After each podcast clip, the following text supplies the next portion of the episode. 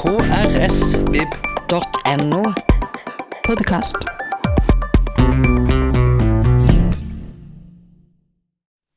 Da har det vært eh, klassikerklubb igjen, eh, med, hvor temaet var Mary Wollstonecraft. Eh, Åssen gikk det? Var det mye spennende som dukka opp i diskusjonene som eh, oppsto? Altså, vi hadde lyst til å lese Mary Wollstonecraft eh, fordi eh, hun er en av de urfeministene, kan vi kanskje kalle det. Og det er et navn man eh, har hørt. Jeg vet ikke om veldig mange har lest henne. Jeg er usikker. Jeg hadde ikke lest Mary Wollstonecraft fra før av. Nei, Og, ikke eh, jeg heller. Og det var vel eh, egentlig ikke så mange på lesesirkelen heller som hadde lest noe særlig av henne før. Men, men de hadde hørt navnet, og så hadde de eh, tenkt at eh, altså, her var det en potensiell heltinne for dem i ungdommen, da. Mm. Jeg tenker mange har lest utdrag og noen tekster i forbindelse med studier, f.eks. Men det er kanskje ikke noe man sitter og leser på, hjemme på fritida. Jeg, jeg, jeg er usikker på det. Ja, for jeg kjenner jo ikke altså jeg kjenner jo navnet, som du sier, men jeg tror ikke jeg har lest noen ting av henne. heller. Hva, hva er det egentlig som trekkes frem som liksom Hva er det som siteres ofte, eller hva er det som brukes ofte av det hun skrev? Nei, altså, det, det er vel det at hun skrev denne Et forsvar for eh, kvinnens rettigheter. Ja. Mm. Det er jo den som er mest kjent, og den hun huskes for i dag. Ja. 'Vindication of the Rights of Women' Ja, fra 1792.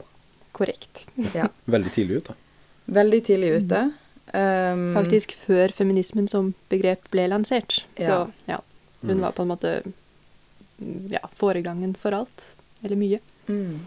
Vi snakker jo opplysningstid og den franske revolusjonen Mm. og brytningstida til romantikken og eh, egentlig en utrolig spennende tid i europeisk historie. Mm, og så veldig mye nytt som skjer, mange, mange nye tanker, da. Eh, og som hun da representerer denne eh, kvinneversjonen av. For at hun har jo først skrevet 'Vindication of the Rights of Men'. Mm. Altså et forsvar for, eller for menneskets. Ja. Ikke sånn, sant? uh, Rights of Man. Ja. Ja, sånn, ja. Og så kommer hun med et forsvar for kvinnens rettigheter etterpå. Jeg tenker at uh, hun er jo helt Altså, man må jo egentlig ha fått med seg Mary Wollstonecraft. jeg jeg syns det var helt essensielt at vi skulle lese henne på Klassikerklubben. Eh, og så valgte vi et verk som eh, var det mest leste, den mest leste publikasjonen hun hadde i sin samtid. Ja, en av de mest populære, og kanskje mest eh, tilgjengelige og mest sånn skjønnlitterære i formen, da. Mm. Eller skrivestilen. Letters written during a short residence in Sweden, Norway and Denmark. Eller Min nordiske reise. Ja. Fra 1795. Og så døde hun jo ikke så veldig lenge etterpå. Hun døde to år etter at denne uh, Det er jo en brevsamling, da. Det er skrevet som brev til en elsker som er i England. Og faren til barnet hennes, da. Ja, og faren til barnet. Mm. Eh, og så dør hun da to år etter at dette ble publisert. Mm. Det ligger jo litt i tida, som du sier. Det, altså, eh, den her um, uavhengighetserklæringa i USA som sier at eh, det er, liksom, det er åpenbart at alle menn are created equal. Eh, det var kanskje Den franske revolusjonen hadde jo noen lignende ideer og tanker om, likhet eh, mellom alle mennesker, men, men det var stort sett menn, ikke sant? Ja, ikke kvinner. Og det var jo det hun var så altså, var så sur på, da. Mm. At det var altså, rettigheter for menn, men ikke for damer. Så det var jo det hun skrev om i den, den mest kjente boka hennes. Og hun argumenterte jo veldig sånn krast mot Rousseau. For de fleste eh, filosofene på den tiden, de var jo De var jo sånn som han, at de altså så bare fra mennenes eh, perspektiv eh, og glemte kvinnene. Og så levde hun jo også et liv, da, som kvinne i England på slutten av 1700-tallet som var ganske utradisjonelt og eh, sjokkerende for veldig mange. Hun hadde en, en elsker som hun fikk et barn med utenfor ekteskap, og det var jo Som var allment kjent, liksom? Ja, det var allment kjent, og det var radikalt, og det var egentlig eh, sosial utstøtelse og krise. Ja, hun ble skikkelig uglesett pga. det, og pga. livsførselen sin generelt. da. At hun også, forsøkte å ta selvmord, f.eks. Men hun var jo egentlig en motstander av ekteskap, f.eks. Det, Motstander, faktisk. Ja. Men altså, ok, Så var rett og slett så feministisk at du så på det som en sånn patriarkalsk eh, Jeg tror Eh, kanskje det, men, eh, men han eh, mann nummer to, han var også motstander av det, så Ja. ja, jeg tror kanskje det hadde mer å gjøre med at det var en sånn kirkelig institusjon, kanskje. Altså Med mann nummer to så gifta hun seg jo faktisk, men det var fordi hun ikke ville ha enda et barn utenfor ekteskap, for det hadde vært en så stor belastning, da. Ja, mye stigma. Mm. Men, eh, men denne her Min nordiske reise, den er da skrevet som brev til denne elskeren som hun har latt være igjen i England. Han har eh, eid et skip som har eh, seilt av gårde med en stor sum sølvpenger, rett og slett. Som han da på en måte har mista. Altså det har blitt stjålet ifra han. Og så sender han henne på en reise for å liksom gå i hans forretningers øyemed og prøve å finne ut av hva har skjedd med, med skipet. Hvor er sølvpengene? Hvor har denne kapteinen tatt veien? Dette var en norsk kaptein på den skuta, så det er derfor hun skal dra til Norge for å prøve å finne han igjen da, og dette skipet. Og um, hun hadde hatt da et forhold til denne forretningsmannen, og uh, han var alle mulige ting, denne her eh, George Var det ikke George Imlay? Ja, det var i hvert fall Imlay. Ja, det var Imlay. Gilbert var det faktisk. Imlay. Han var da liksom eventyrer, hadde Han var amerikaner, han var oppdager, han var eh, forretningsmann, han hadde kjempa i den amerikanske Revolusjonen. Ja. Og han eh, Han hadde et forhold til Mary, men han uh, støtte henne allikevel ifra seg. Selv om de fikk et barn sammen. Og det var da hun prøvde å ta livet sitt. Så etter det selvmordsforsøket så sender han henne altså på denne forretningsreisa til Skandinavia for å ordne opp i hans forretninger. Ja, nesten absurd. Det er faktisk veldig absurd. En kvinne som er til fare for seg sjøl, skal sendes av gårde med et eh, ett år gammelt barn og en fransk sånn eh, barnepike. Men det var jo en veldig altså, dristig ting da, å dra på en sånn reise. Det var jo ikke noe som alle damer eh, gjorde, for å si det mildt. Og hun gikk jo inn i den reisen med en sånn altså, liv og lyst, og, men også med et ønske om å gjøre det like bra som en mann, da, på en måte. Og det var en, Nå husker jeg ikke hva han het, men det var en mann som hadde skrevet en reiseskildring av en tilsvarende reisende, reise tidligere. Eh, Så hun gikk på en måte litt i hans fotspor, men med sin egen vri på teksten. da, En mer sånn personlig tilnærming. Altså, hun tenkte jo at hvis hun dro på denne reisa, så ville hun kanskje vinne han eh, Imlay tilbake. Altså, han ville bli så fornøyd med henne når hun hadde klart å finne disse eh, sølvpengene og, og skuta tilbake, at da ville han liksom gifte seg med henne og leve et eh, tradisjonelt familieliv med henne og dattera. Eh, det skjedde jo så klart ikke. Men eh, de brevene hun skriver, er veldig, veldig Altså, dette er Litterært er det kjempefint å lese. Altså det, hun skriver utrolig godt. Eh, og hun beskriver også folk hun treffer i Sverige og Norge, og Danmark også. Eh, det er kjempegøy å lese dette sett ifra et britisk perspektiv, da, på slutten av 1700-tallet. Vår, altså våre skikker, holdt jeg på å si. Vi sitter da i 2018 og kan liksom kjenne oss igjen i noen av de tingene hun beskriver. Og det syns jeg var ganske morsomt. Men hva er det som, er, Eh. er som sjokkerer deg, eller hva er det som er overraskende når du kommer til Altså Det som er overraskende for en brite som kommer til Skandinavia på denne tida, er jo hvor på en måte langt tilbake samfunnet står i forhold til, til i England og Frankrike. Og, At det ikke er noe intellektuelt nivå å snakke om. For det er jo ikke noe universitet eller, og knapp, altså veldig sånn basic skoler. Så hun sier jo hele tiden at hun savner på en måte altså et sånn tenkefellesskap, da.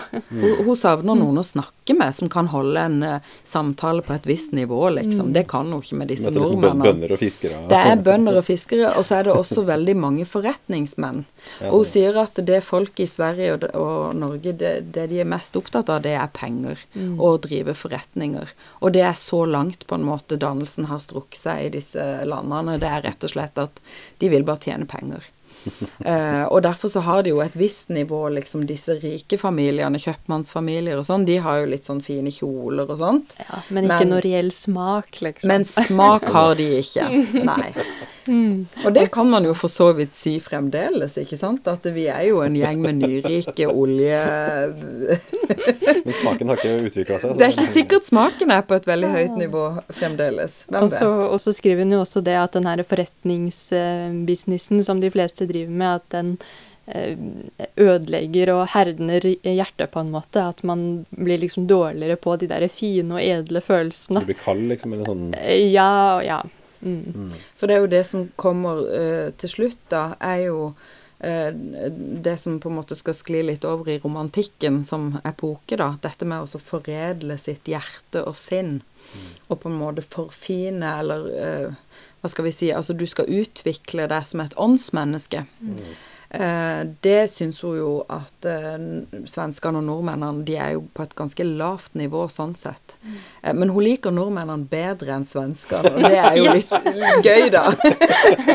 Det sitter vi og ler og koser oss litt over, ikke sant. At når hun kommer fra Sverige og over til Norge, så skjer det liksom en Hun blir i bedre humør da, fordi at her er det litt mer eh, frihet, da. Svenskene er veldig bundet av adelen og det er av sånn, ja. Mm. Gamle Eh, tradisjoner og ting de har arvet fra Frankrike, liksom. Ja, mens her eh, i Norge er det på en måte er mye friere, da.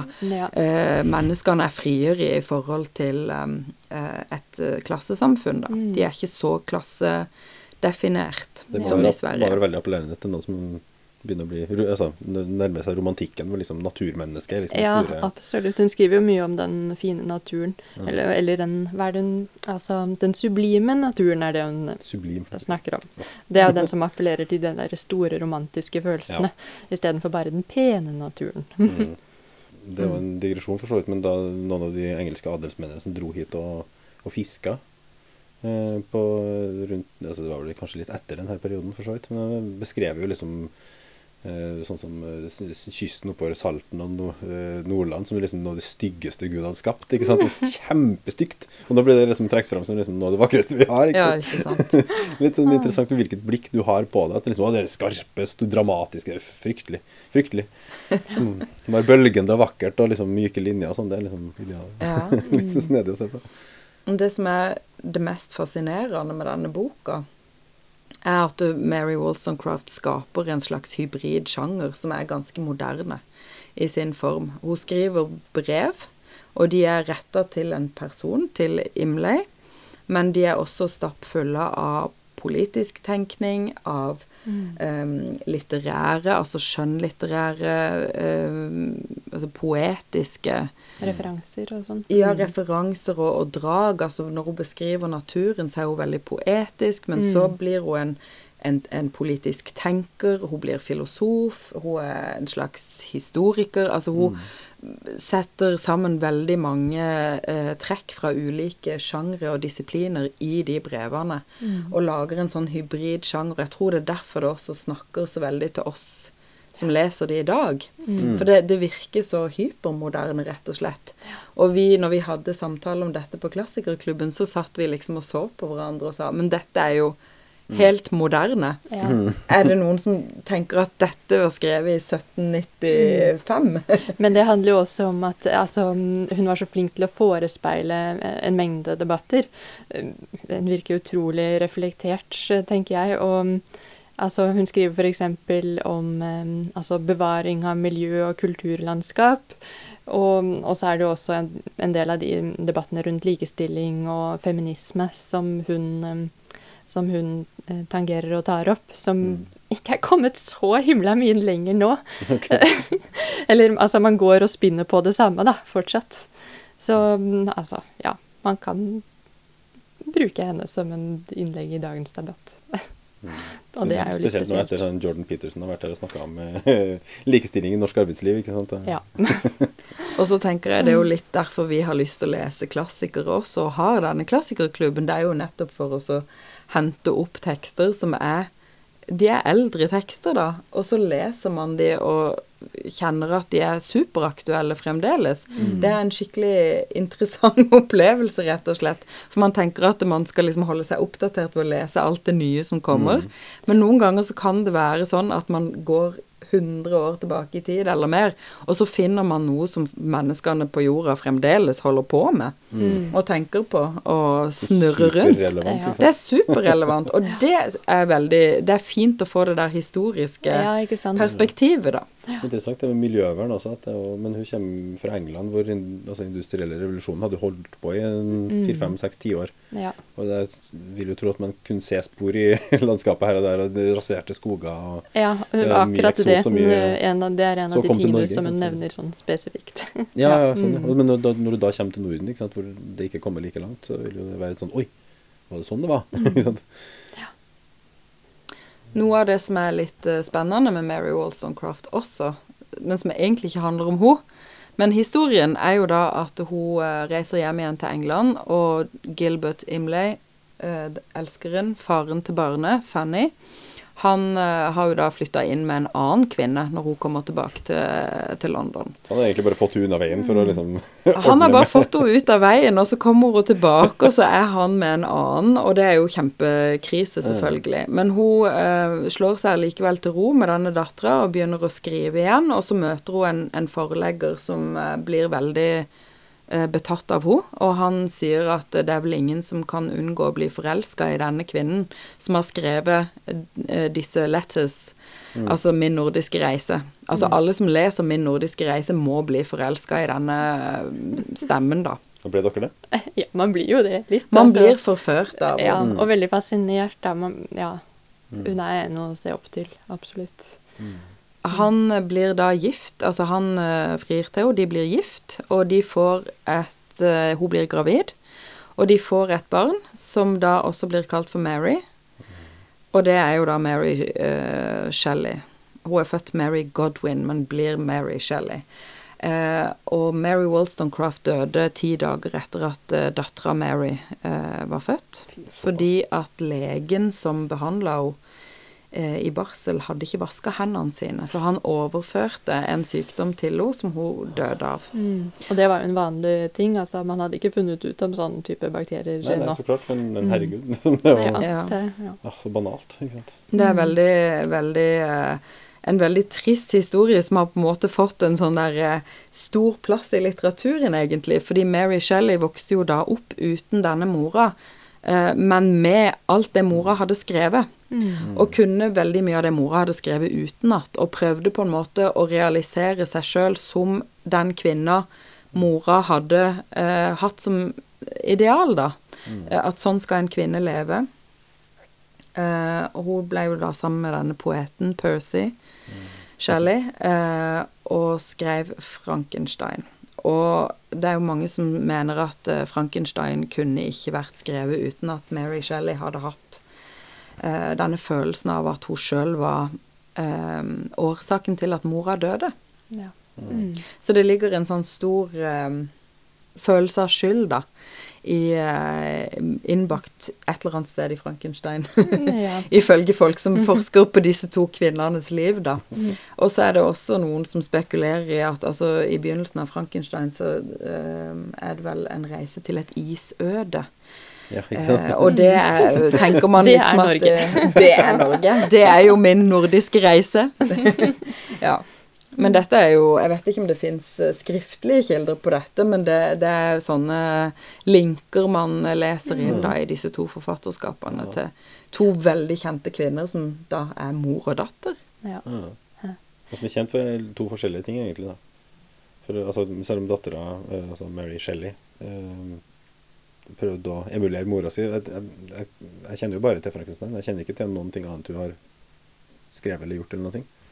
Men så levde vel hun også et ganske sånn utradisjonelt og radikalt liv på den tida, eh, med disse mm, romantiske poetene, eh, som jo også hadde forlest seg på mora i sin eh, litteratur, ikke sant. Sånn at hele den litterære arven etter Wollstonecraft ble blei dominerende da for disse romantiske sjelene. Men jeg syns jo altså Mary Wollstonecraft som feminist er kanskje det som er mest viktig for meg. Altså sånn eh, Altså hun skriver kjempegodt skjønnlitterært og, mm, og faglitterært, men, men den eh, debatten hun hadde med Rousseau, for eksempel, der syns jeg hun hadde veldig mange klare tanker eh, som, som jeg føler at er altså, de, fine å tenke på også i dag, da. Altså, litt sånn som du sa, at man kan se tilbake til fortiden, og så, og så kan man bli på en måte føle seg sikrere i, i sitt ståsted nå. For han Rousseau han var jo som sagt veldig mm, sånn til å argumentere for at kvinner ikke burde gå på skole, og de burde bare holde seg sine, til sine tradisjonelle ting. Og han sa sånn at hvis, hvis damer blir oppdratt til å være som menn, så vil de miste sin makt over mennene. Skrek og gru. og da svarte jo hun Mary Wollstonecraft at, at uh, ja, men hun ønsker jo ikke at eh, kvinnene skal ha makt over mennene, hun vil bare at de skal ha makt over seg selv.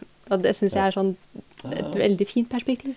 Spesielt nå når abortsaken igjen har dukka opp i, Ja. i, Det blir jo relevant. norsk samfunnsliv. Sånn, igjen. Ikke sant? Retten til en kvinne å bestemme over egen kropp skal er på hoggestabben. Temaet er fortsatt aktuelt, da. ikke sant? Ja, ja men det er jo det, det er som du sier, det er de samme temaene som gjentar seg. ikke sant? Mm. Og du har fremdeles steder i verden hvor jenter ikke går på skole. Sånn at eh, hvis du ser det i et globalt perspektiv, så Ja. vil det jo være steder i verden som fremdeles eh, på en måte Mary Wollstonecrafts eh, kamper vil liksom være veldig aktuelle Mm. på, da. Ja, det er Ja, ikke sant. På neste klassikerklubb så er det Japan! Japan. Eh, hva skjer da? Da skal vi gå inn i den utstillinga som vi har på biblioteket og kunsthallen akkurat nå, som heter 'Avskygninger', og se på et verk der som tar utgangspunkt i den klassiske japanske tegneren og kunstneren Hokusais datter. Og så skal vi lese en uh, mer moderne japansk tegneserie og se på de linjene som fins fra den eldre japanske kunsten og til tegneseriekunsten som vi leser i dag. Mm. Og han eh, tegneserieskaperne, han er vel en av de mest anerkjente i Japan days. Så det Det blir veldig fint. Det skal vi gjøre sammen med Hans Ivar Stordal, som er en Japan-ekspert, kan Ja. vi kalle han. enkelt sagt. Og så skal vi ha pop-up Hokusai bar. Bar, faktisk. Vi skal faktisk ha bar. Det blir en liten juleavslutning. Det blir spennende. En Ja. bonus for dem som har eh, fulgt uh, klassikerklubben. eh. Ja. Og så får vi et nytt spennende og litterært program igjen i 2019. Ja. Masse forfattere, masse nye klassikere. Mm. Kult. Flere podkaster fra oss finner du på Google Podkast, Apple Podkast eller iTunes, eller ved å stikke innom vår hjemmeside på krsbib.no. krsbib.no. Podkast.